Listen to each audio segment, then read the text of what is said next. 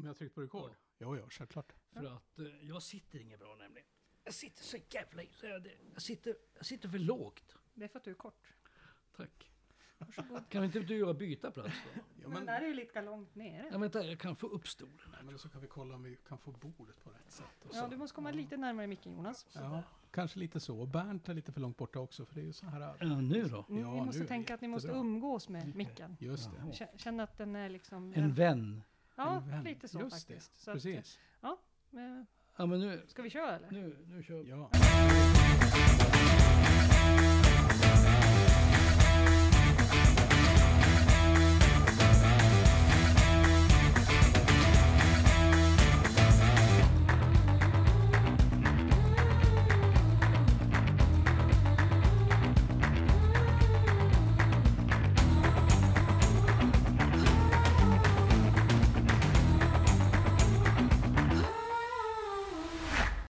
Hej och välkomna till Konsulatet. Jag heter Malin Örlund och jag sitter här med två herrar, Jonas Lundström och Bernt Tiberg. Eh, kan ni presentera er lite grann? Jag tror att vi börjar med Bernt. Eh, Bernt Tiberg är krönikör i Norrbottens Kuriren. Jag tror att det är där jag är mest känd. Annars är jag en gammal reklamgubbe. Ja, men, ja inte så gammal va? Ja, jag ska vaccinera mig nu så. Ja, ja okej då. Eh, Jonas, är du eligible för vaccin eller? Nej, alltså jag ska ju in i vuxenåldern faktiskt i år och fylla 50, men det tar ju oerhört, oerhört lång tid innan vaccinet kommer, om jag har förstått det hela rätt. Mm. Jag är ju byråkrat i Västerbotten och var tidigare krönikör i Norrbottens-Kuriren. Du då Malin, vem är du? Ja, vem är jag? Eh, nej men jag hör ju här att den gemensamma nämnaren är ju Norrbottens-Kuriren. Eh, där har jag ju hängt sedan jag var 14 fram till för fem år sedan. Eh, där jag gjorde ett litet annat vägval och jobbar nu med fordon på väg i eget företag. Lite sådär halvroligt måste jag säga. Men ehm, konsulatet, varför heter det det? Och det tror jag väl att Jonas kanske ska svara på. Jo, men det ska man väl göra. Till att börja med så, så är ju en podd måste ju alltid heta någonting. Och det ska ju gärna heta någonting som ingen annan heter. Och ehm, vi satt ju och funderade där ett tag, Bernt och jag, kring men, men vad ska vi heta? Och vi kom ju fram med både Vi var bra... på Bishops. Ja, vi var på Bishops dessutom. Ja. Det gick några pilsner I pandemitider. Nej, ja, vi höll jo, ju vi ska våra, erkänna att så det här, var- Ja, det var nog så. Fast vi höll restriktionerna. Alltså personalen på Bishops, de tar ju verkligen hand om och tar ansvar för både Mm. alkoholservering och för, för det som var livsmedel. Och vi be, blev ju både mätta och otörstiga. Ehm, men inget av de förslagen höll ju, utan vi satt faktiskt eh, här och funderade en, en stund. Och här är ju faktiskt ett konsulat. Mm. Nå, Och berätta. det var då vi sa det. Ja. Ja. Men berätta. För du är konsul. Ja, men så är det faktiskt. Det är ju så att republiken Slovakien har eh, ett konsulat i Luleå och det är i min hemadress och jag fungerar som konsul. Så varför inte kalla podden för konsulatet? Mm. Nej. Och då tänkte vi att, att då gör vi väl en podd ihop med dig Malin. Ja, Och så- vilket var jättekul. Ja, och Tyckte jag. som ska handla om lite mycket, om lite av varje och sådär. Men med en norrbottnisk touch. Mm. Men det känns väl viktigt va? Ja. Vi kan ju inte bara prata om Slovakien. Nej, nej, naturligtvis inte. Utan grejen med, Slova- med, med detta med att vara ett konsulat är ju att vi representerar någonting. Och tanken med vår representation är ju att vi ska representera någonting som är djupt förankrat i Norrbotten. Men vi ska kunna ta ut svängarna lite. Ska vi börja i Norrbotten? Jo, men det tycker jag väl. Malin? Ja, ja men eh, jag tänkte vi kunde väl prata lite grann om en, en hyggligt eh, aktuell fråga. Eh, Hybrids placering av demoanläggningen. Det har ju varit väldigt eh, osäkert in i det sista vart den skulle hamna. Man pratar Gällivare och man har pratat Luleå. Och eh, jag har få- fått lite sådär lyssna på vårt förra kommunalråd som ändå ja, men hade en god förhoppning om att det skulle hamna i Luleå. Eh, och jag faktiskt på rak fråga från mig om just det här med försvarets makt över placeringen. Um, den var lite svårsvarad på tror jag.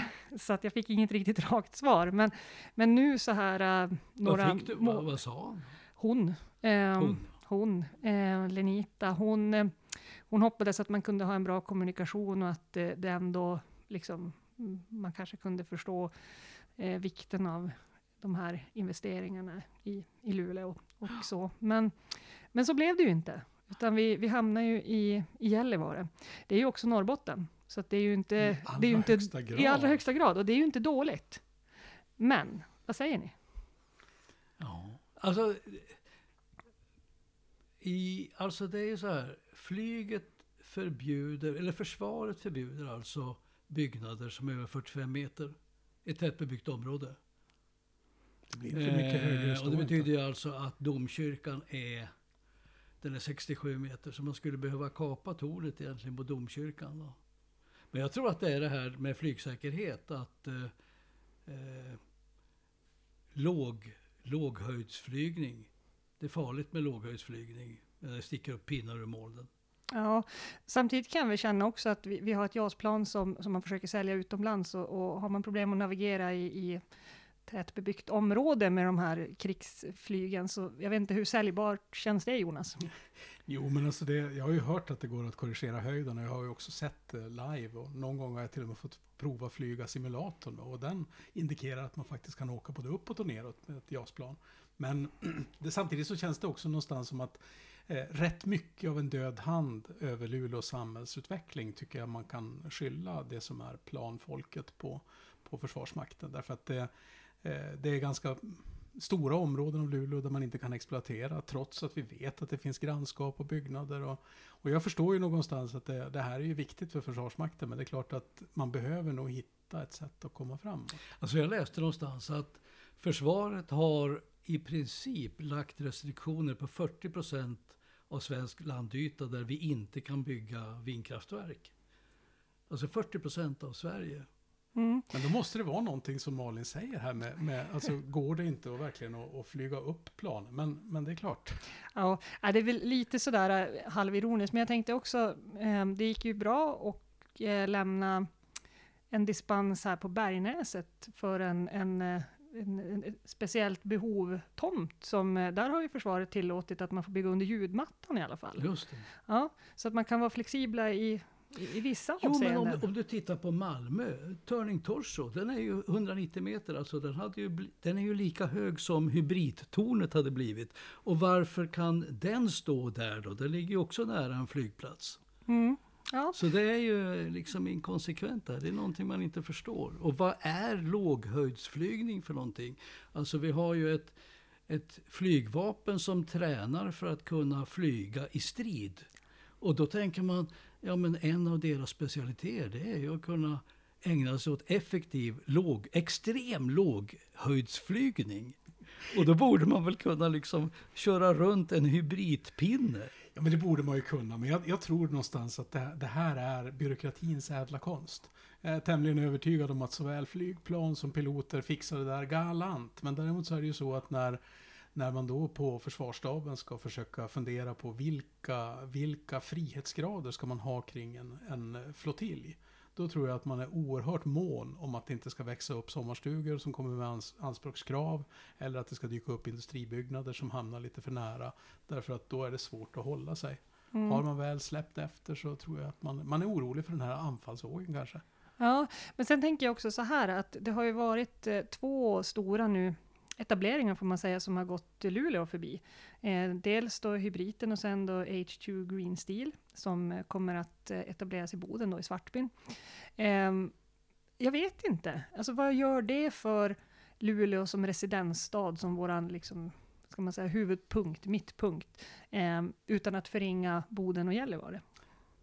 Men jag tänker väl, jag, jag jobbar ju med den sortens frågor då fast i, i Västerbotten och det är klart att lite innan så var ju, var ju också Luleå och Boden med i det som då var slutspelet tänkte man kring det som var etableringen och det som nu är Northvolt och byggnationen i Skellefteå. Och det är klart att det är ju viktigt för kommuner att kunna känna den här framtidstron, att jobba för att kunna få till etableringar. Jag tror väl någonstans att Eh, nog finns det säkerligen diskussioner i, i kring vad, vad var det som gjorde från Luleås horisont att man inte tog hem det. Sen Mm. tror jag just, eh, just att Boden och H2 tror jag kändes oerhört stort. Att man faktiskt får till en, en etablering som ligger i Luleås närhet. Och det syntes ju också på Luleå kommun att man, man jublade och, och annat. Men jag tror att det är lite tyngre det här med Hybrid och, och Gällivare. Mm. För Luleås vidkommande. Men det är bra för Norrbotten. Ja, men vad tror du Bernt? Vad tror du det beror på? Att man liksom inte får de här tunga etableringarna? Jag vet faktiskt inte. Jag, har- jag funderat i samma banor. Eh, jag tycker det är konstigt. Alltså att eh, de går regionhuvudstaden förbi de här stora etableringarna. Jag tycker det är märkligt. Eh, det finns väl en misstanke om att man kanske inte är så vassa förhandlare. Inte så bra säljare när det kommer till kritan. Å andra sidan så tror jag att eh, det man bland annat diskuterar nu ute på Hertsö, i Hertsötomten där Plannja Plannja skulle ligga en gång i tiden. Jag tror ju att det kommer att landa någonting där i alla fall. Men det är klart, det hade suttit bra med H2 Green Steel Mm. eh, där ute, alltså i närheten av SSAB och så vidare. Jag tycker det var en viktig symbolfråga, en viktig symboletablering. Men å andra sidan, som du säger Jonas, alltså den ligger ju nu, den kommer ju att ligga på kommungränsen i alla fall. Mm. Men jag tänker också att eh, jag, jag tror att eh, det kan också spela in att det har varit väldigt stökigt i, i Luleås eh, politik de senaste åren. Att man kanske inte riktigt har haft en långsiktighet och det har varit ja, interna stridigheter och jag tänker att sånt påverkar. Men sen tänkte jag också det du nämner om Hertsön och det är ju, det är ju fint kanske om det är kopplat till hamnverksamhet. Då tycker jag att det är en jättebra placering. Men i övrigt är ju inte Hertsön något bra logistiskt nav. Alltså ska du tänka på att du ska ha ett industriområde, där bygger det mycket på att det kommer in tunga transporter. Eh, de transporterna ska färdas genom hela Luleå innerstad, till exempel via Burströmska, där det inte går längre att färdas med tunga och långa fordon ordentligt. Så vad kan man lägga där ute menar du? Ja, sånt som är kopplat till hamn, som bara ska gå mellan. Hertsön och, och kanske SSAB. Då. Mm. Det är bara playan kvar de andra ord. Ja, när, när Plannja har flyttat sitt huvudkontor så är bara playan kvar. ja, kanske.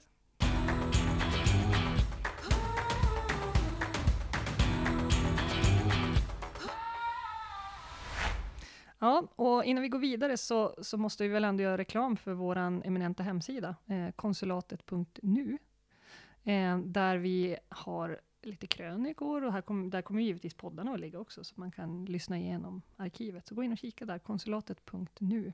Eh, du Bernt, du är ju också inne lite grann på, på eh, industri, investeringar, men framförallt liksom, hur fan ska det gå till? Mm. Eh, hybrid som du pratade om nyss eh, är ju intressant. H2 Green Steel som vi resonerar om. Eh, det är ju bara två av de här stora investeringarna. LKAB gör ju den största industriinvesteringen kanske i svensk historia. Eh, för bara ett år sedan så, pratade, så skrev NSD och Kuriren om eh, alla de här industriinvesteringarna i Norrbotten. Vi pratade om 300, miljoner, 300 miljarder kronor. Och för någon månad sedan pratade vi om 700 miljarder kronor. Och nu tror jag vi börjar prata om en biljon som ska investeras i Norrbotten. Alltså det är enorma investeringar. Va? Det här kommer ju att kräva en gigantisk inflyttning till länet. LTU har gjort en, en ganska färsk utredning där man säger att det behövs 25 000 nya invånare på fem år. Fem år går fort. Eh, jag såg en annan utredning från Region Norrbotten där man pratar om att vi behöver 51 000 nya invånare. Eh, och utgångspunkten här är ju egentligen väldigt dålig därför att Norrbotten har sämst eh, befolkningsutveckling i landet. Vi blir fler äldre och de unga flyttar inte tillbaka när de har pluggat på andra orter, på andra håll i landet. Så jag undrar ju liksom, ja, hur fan ska vi få tag på alla de här människorna? För jag tror att det är fel att ha som utgångspunkt att tro att Norrbotten kommer att bli någon slags arbetsmarknadens frälsare. Sådär bara. Eh, så blir det inte. Därför att vi ska vara klara över att i södra Sverige, i Mälardalen, i Skåne, i Småland, på västkusten, överallt så pågår det en nydaning av industrin som också är i ska man säga, klimatförändringens spår. Alltså alla uppgraderar sig. Så var tusan ska vi ta folk ifrån? Har ni funderat på det? Ja, men mycket. Alltså egentligen, egentligen så är väl den stora utmaningen inte... Den är ju dels att kunna hitta människorna, därför att eh, det är hela Sverige som har en skriande brist, framförallt på relevant utbildade människor inom det tekniska området. Men när någonting sånt här händer så blir det ett omvandlingstryck i hela arbetsmarknaden. Då kommer alla yrkeskategorier att behövas därför att normalt sett så, är, så lever människor i parförhållande på ett eller annat sätt och man behöver få en ordentlig skjuts i det som är arbetsmarknaden. För det som händer annars, Det är ju inte att investeringarna inte kommer till, för det gör de ju. Utan vad som händer istället, det är ju att vi får världens bästa möjligheter att kunna flyga in och flyga ut ifrån länet. Och då är det ju ingenting av det götta som kommer att kunna stanna kvar och utveckla Norrbotten. Nej, och vad, vad är egentligen viktigt då när man tänker att man ska eh, man ska utbilda sig, man ska tänka att man kanske ska bo i, i Norrbotten, i Boden eller i Luleå. Vad vad blir, Eller i Gällivare. eller i Gällivare, eller Mm. i Pajala. Mm. Vad, ja, Mm. vad, är, vad är viktigt då? Vad, vad, vad, jag försöker som tänka hur jag skulle resonera om jag nu skulle flytta härifrån och, och flytta någon annanstans. Och det är ju massor av saker. Alltså det är ju allt från boende till infrastruktur till att det finns ett rimligt bra hockeylag. Nej, det man byter man ju inte bara så i och för sig. Men, men alltså det är ju... Man ska kunna gå och lyssna på musik, man ska kunna se teater. Ja, vet du, ja, du är inne på rätt spår tror jag. Alltså man ska känna att det är spännande. Eh, en spännande plats man flyttar till. Och att det är roligt. Och jag tror, jag tror kanske, alltså det finns ju en jätterisk i det här som Jonas är inne på. Att det blir väldigt mycket fly in, fly out. Folk kommer hit i veckorna, bor i barack, brassar sitt eget käk, går och lägger sig. Och när det är fredag eftermiddag åker de hem. Och de skattar någon annanstans. Alltså det är en jävla risk och då tar de ju inte med sig föräldrar eller familjer, familjer och barn heller. Va? Nej. Det, är, det är en jätterisk i det här. Men det, är väl, det gjordes ju faktiskt, eh, bland annat via universitetets försorg, en studie som var, tror jag, eh, Sveriges största lyckoundersökning. Där man djupintervjuade 5000 människor. Och att djupintervjua 5000 människor, det är ett stort företag att göra. Och det var ju då man kom fram till, eh, skrev i Piteå-tidningen då förstås, att Pitebon var den lyckligaste i hela norra Sverige. Eh, det blev så att säga huvudnyheten. Men det man gjorde också var en mätning för att se vad är det för någonting som gör en lycklig relativt sett. Och det som då slog, stod ut, det var ju möjligheten att kunna konsumera kultur, vare sig man gjorde det eller inte. Medan känslan av ett hockeylag, det var så nära neutralt man kunde, kunde komma. Vilket ju varit lite intressant då för, för kommunföreträdare som då funderade kring hur man skulle investera och annat mellan, mellan det ena och det andra. Men helt klart är ju att man bor ju där man, dit man längtar.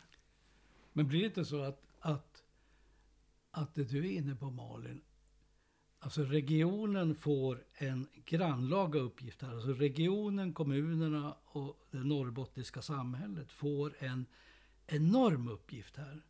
Alltså att attrahera människor att flytta hit. För det är lite grann det, det du är inne på. Varför? Varför i hela fridens namn ska jag flytta till Norrbotten? Är det, är det för att få vara med i den här industriella revolutionen? Där vi går över till fossilfritt stål och, allt det här. Va? Eh, är det så jädra kul så att det är därför jag vill åka dit? Eller är det så, apropå vad du pratade om tidigare, att hybrid och annat har flyttat, flyttar ifrån Luleå, landar inte i Luleå. Är det ändå så att Luleå som är den största staden kanske ändå är vinnaren i den här? Därför att människor idag är urbana, vill bo i en stad där det finns ett stort kulturutbud och så vidare. Och då kanske det är så att människor flyttar hellre och bor vid kusten. Men jobbar i Gällivare. Vilket naturligtvis vore förbaskat synd för Gällivare. Jättesynd, men jag tror också att om man ska locka människor från, eh, från södra Sverige eller från oavsett var det är, så är det, ju, det är jätteviktigt var man kan bo. Jag tror det är det man kan, kan slåss lite grann med. För att, eh, jag menar, de, de pengarna som du får lägga för att ha en halvhygglig lägenhet i, ja, inte vet jag vad ska jag säga, Nacka eller eh, vad det nu må vara. Eh, kontra om du skulle lägga samma pengar och bo i Svartbjörnsbyn.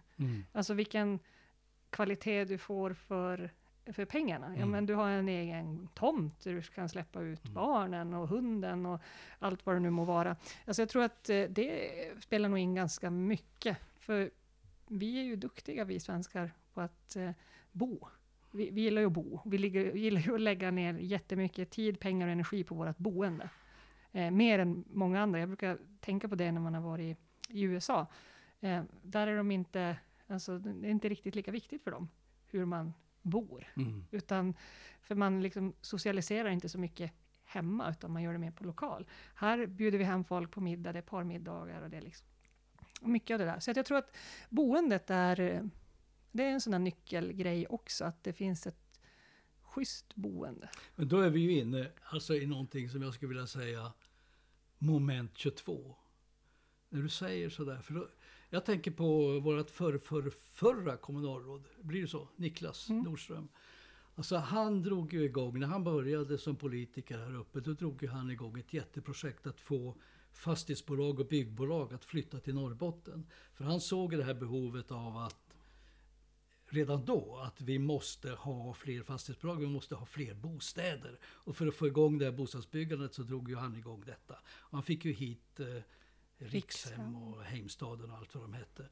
Eh, men nu, när vi ska bygga så in i bomben mycket bostäder, så tror jag att fastighetsbolagen i Norrbotten har ett jättebekymmer. Och det är nämligen att få tag i någon som bygger de här bostäderna. Och var tusan ska vi få tag i byggfirmor? Alla dessa bygg... Fastighetsbolag tror jag vi har. De står ju och stampar och vill liksom ha in byggfirmor som de kan lägga ut eh, entreprenader på. Ta in upphandlingar ifrån. Och då är det ju så att det byggs ju överallt i Sverige. Så 17 ska vi få byggbolag att flytta hit.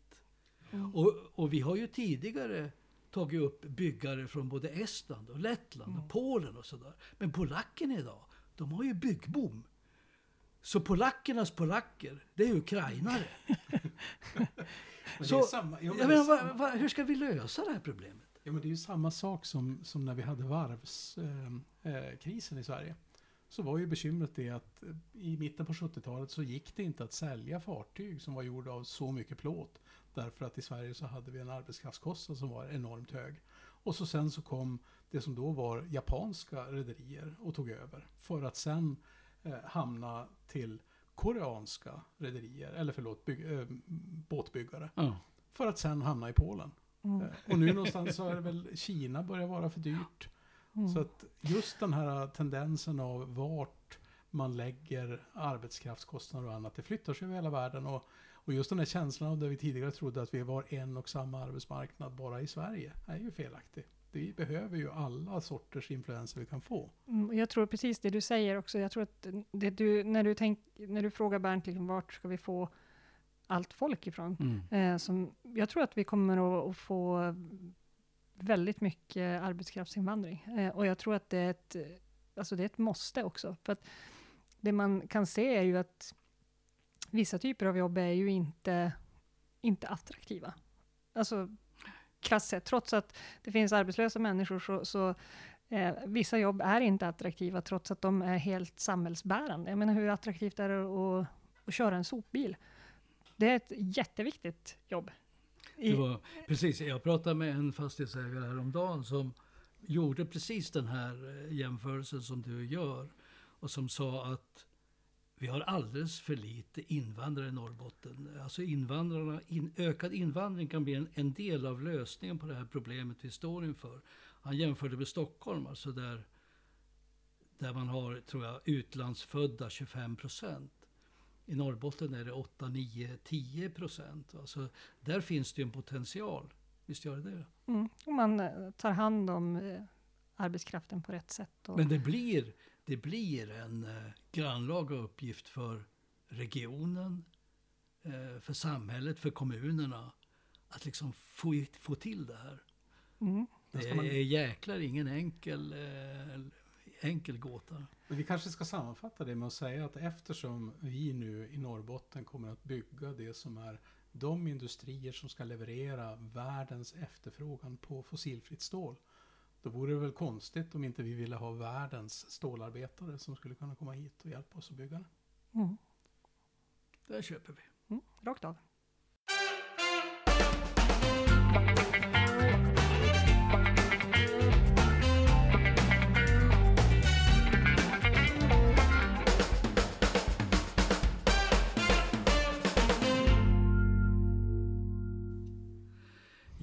vi finns på konsulatet.nu och så finns vi på konsulatet på Facebook också. Det vill vi puffa för. Mm. Skriv konsulatet i sökrutan så kommer ni att hitta oss. Eh, lite grann med, med, koppling till det vi pratade om nyss, om, om arbetskraft och investeringar och expanderingar och liknande. Jag tänker så här att ska det funka så eh, måste det funka även utanför industrigrindarna. Eller vad säger du, Jonas Lundström? Jo, men visst är det så. Alltså det, är ju en, en, plats marknadsförs ju naturligtvis som vi nämnde tidigare, kultur, kulturliv, eh, vilken puls man har och annat. Men det är klart att när vill man att familjer ska trivas någonstans, då måste det ju vara säkerställt att vi eh, har en bra skola, att vi har en, en eh, förskoleverksamhet som fungerar, att det finns en, en social trygghet och att man, att man verkligen som familj trivs där man ska bo. Och um, ofta så kan det vara så att kommuner tittar eh, kanske lite för snävt. Att man, alla efterfrågar inte nyproducerad trea på höjden. Nej, utan du mm. tänker att man kanske till och med kan tänkas bo utanför centrala Luleå. Du tänker alltså att man skulle till exempel kunna ha en pendlingsfrekvens där man pendlar kanske 35 minuter norrut? Så skulle det kunna vara. Eller inte riktigt 35 minuter söderut, för de har redan kommit in i Piteå kommun. Men mm. tittar man med ett Luleå-perspektiv så är ju Luleå är ju den sortens kommun som eh, där stadskärnan egentligen har varit en ganska liten del av det som är hela kommunens storlek. Luleå är ju lite likt Skellefteå. Jag skulle alltså, säga Öland. ja, det, alltså det, det, eh, Luleå kommun är ungefär lika stort som Öland. Och om man man hör, där finns ju bara Färjestaden och Borgholm. Just det. Men, äh, men i övrigt är det ju liksom men Ölands landsbygd. Norra, Ölands norra udde, det är väl den enda platsen som konkurrerar med Luleå när det gäller soltimmar? Va? Yes. Ja, så brukar det vara faktiskt. Så brukar det vara. Mm. Men vem vill bo där? Mm. När man kan bo i Vito. I, när man kan bo i Vito, exakt. För är det någonting som har hänt eh, de senaste åren, nästan i alla större kommuner, så är det ju att man försöker se över på vilket sätt ska vi kunna hantera skolstrukturer. Och varenda gång så verkar det bli likadant. Det, det, finns en ivrig plan där man säger att nu kommer det här att bli mycket bättre och så sen visar det sig att det är rätt många som inte riktigt köper den planen och som inte riktigt delar de värderingarna och så sen så blir det politisk kris. Så har vi också sett i Luleå. Vi har haft eh, folkomröstning om det här. En ovanligt tydlig folkomröstning, får man ju säga. Det, mm. Normalt sett brukar ju, alltså det vanligaste ämnet, det kanske ni inte visste, men det vanligaste ämnet som man folkomröstar om är just skolfrågor. Så mm. kommunala folkomröstningar brukar antingen handla om man ska dela kommunen, slå ihop kommunen, eller så är det någon skolfråga som ska hanteras. Men du, som gammal bundordförande, vad tycker gammal du då? Gammal och gammal. Ja, ja men okej okay då, du sa ju just att du skulle fylla 50, så då får jag säga att du är gammal. eh, men, men vad tycker du då om folkomröstningen? Nej, men jag tycker ju någonstans att en folkomröstning och en kommunal folkomröstning är ofta ett, ett misslyckande för det som är den interna politiska hanteringen i representativ demokrati. Alltså det är ofta ett tecken när, när inte partierna och partiernas valda företrädare kan hitta nog tydliga linjer så att man kan fatta beslut. Då brukar folkomröstning dyka upp antingen som ett tecken på att eh, nog många människor genom namninsamling bestämmer sig för att nu måste vi ha upp en fråga som politiken inte vill ha upp, eller de styrande. Och så var det också i fallet Luleå. Många namnunderskrifter från det här folkinitiativet. Vad säger du Bernt?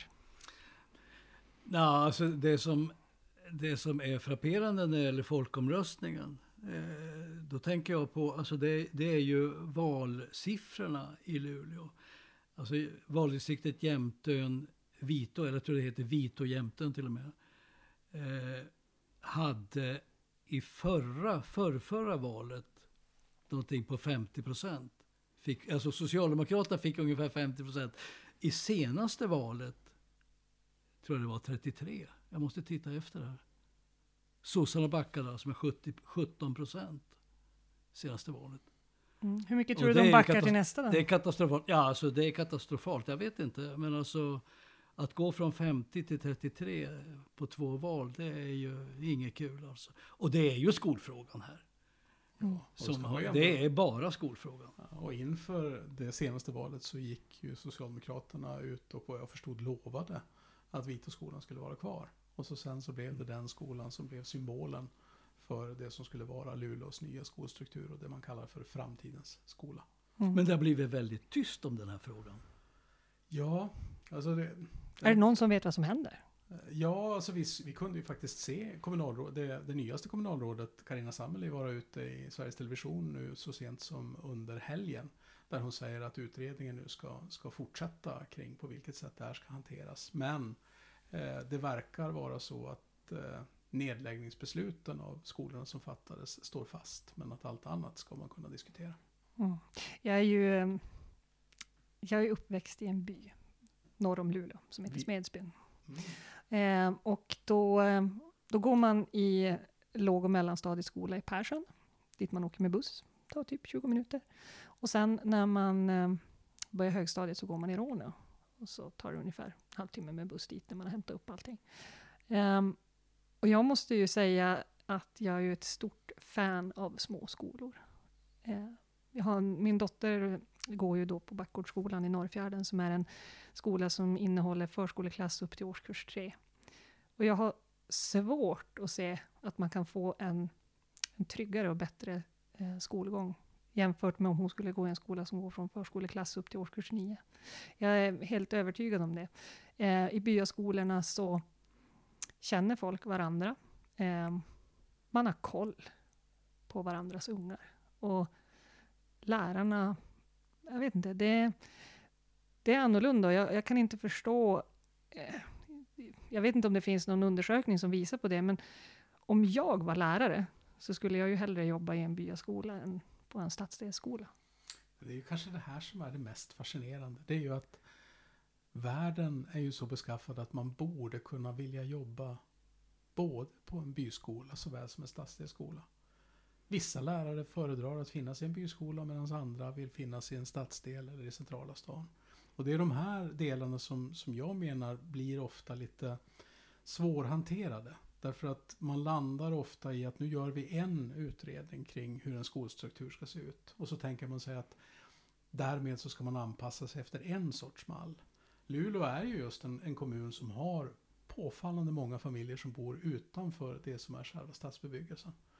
Och Luleå har ju en skattekraft dessutom och en egen lärarutbildning på universitetet där svårigheten att kunna rekrytera, ja den kanske uppstår i hela Sverige som vi pratade om lite tidigare i det här programmet. Men, men Luleå är ju inte en kommun som, som eh, skulle ha problem med att kunna rekrytera. Och det är klart att ju fler olika sorters lärare eller fritidspedagogtjänster man kan, man kan söka, desto mer förmånligt ska det vara.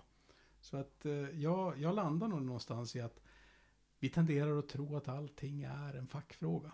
Att eh, skolan är någonting som ska, ska bara hanteras av skolpolitiker eller att, att eh, stadsbyggnadsfrågorna bara ska vara i, i byggnadsnämnden. Och människor tänker ju inte så.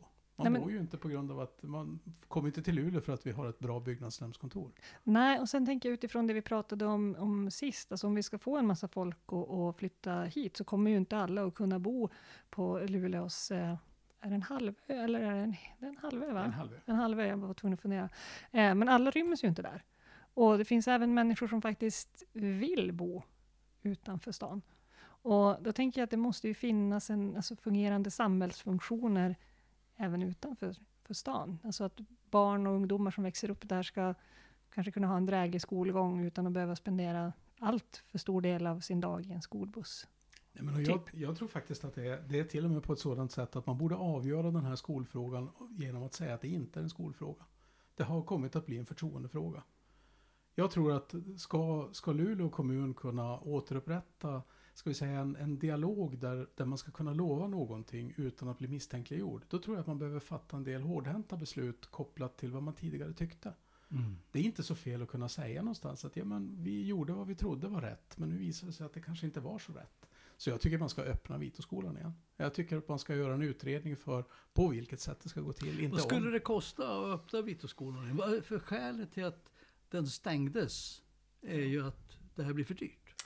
Ja, både och. Alltså det, det, jag, jag tror ju att om vi pratar Vitoskolan. När jag tittade så, så verkar det finnas 51 elever inskrivna eh, år 2019. När, när, den senaste statistiken fanns som jag kunde titta på. Mm. Och då ska man ju veta någonstans att det är klart att eh, bedriva en undervisning för 51 elever i en hel skola, ja men det är ju naturligtvis förhållandevis jättedyrt. Det skulle ju vara helt omöjligt att kunna göra i en stadsdel. Men eftersom det är så många barn som bor i en stadsdel jämfört med en by så tycker jag att man borde kunna ha råd med det också. Jag tänker någonstans att eh, jag har inte märkt att det har funnits någon kö av att, av att köpa det som är den bostad eller själva byggnaden, Vitoskolan. Så att, eh, den kostnaden får man stå med ändå, tänker du? ja, men det är ju också så, om jag nu blir lite gammal kommunpolitruk, så är det ju så att man, man har ett system där man lägger in någonting som man kallar lokalbanken. Det har ju ingenting med bank att göra förstås, men, men tanken någonstans är att om, om man har ett eh, en rationell hantering av hela lokalbeståndet någonstans så kommer den över tid att kunna antingen manövreras ut om man inte hittar någonting för den eller, eller säljas.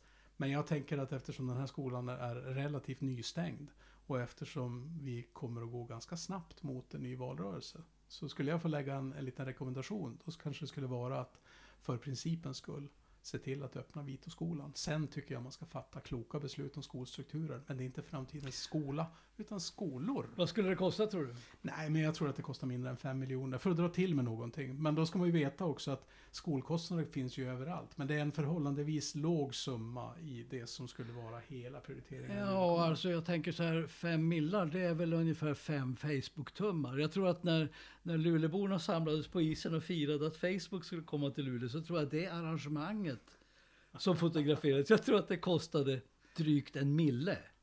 Så det är fem Facebook-tummar för att öppna Vitoskolan. Tycker det låter ganska billigt. Ja, men alltså, att det, skulle det ha kostat tio Facebook-tummar så skulle jag tycka att det hade varit okej. Jag tycker man behöver göra någonting. Det tycker jag låter jättebra. Och um, på tal om Facebook-tumme, då kan du ju gå in och, och sätta en Facebook-tumme eller en gilla-markering på konsulatet på Facebook eller kika in på vår eh, hemsida, konsulatet. var du fyndig. Ja, visst är jag. Ja, Man kan nästan tro att jag jobbar med det här. Alltså helt galet. Eh, men alltså, eh, sen tänker vi att om till exempel typ två veckor, då träffas vi igen på konsulatet. Ja, men, det är ja, men vi har en grej till. Men vi tar en liten trudelutt. Ja.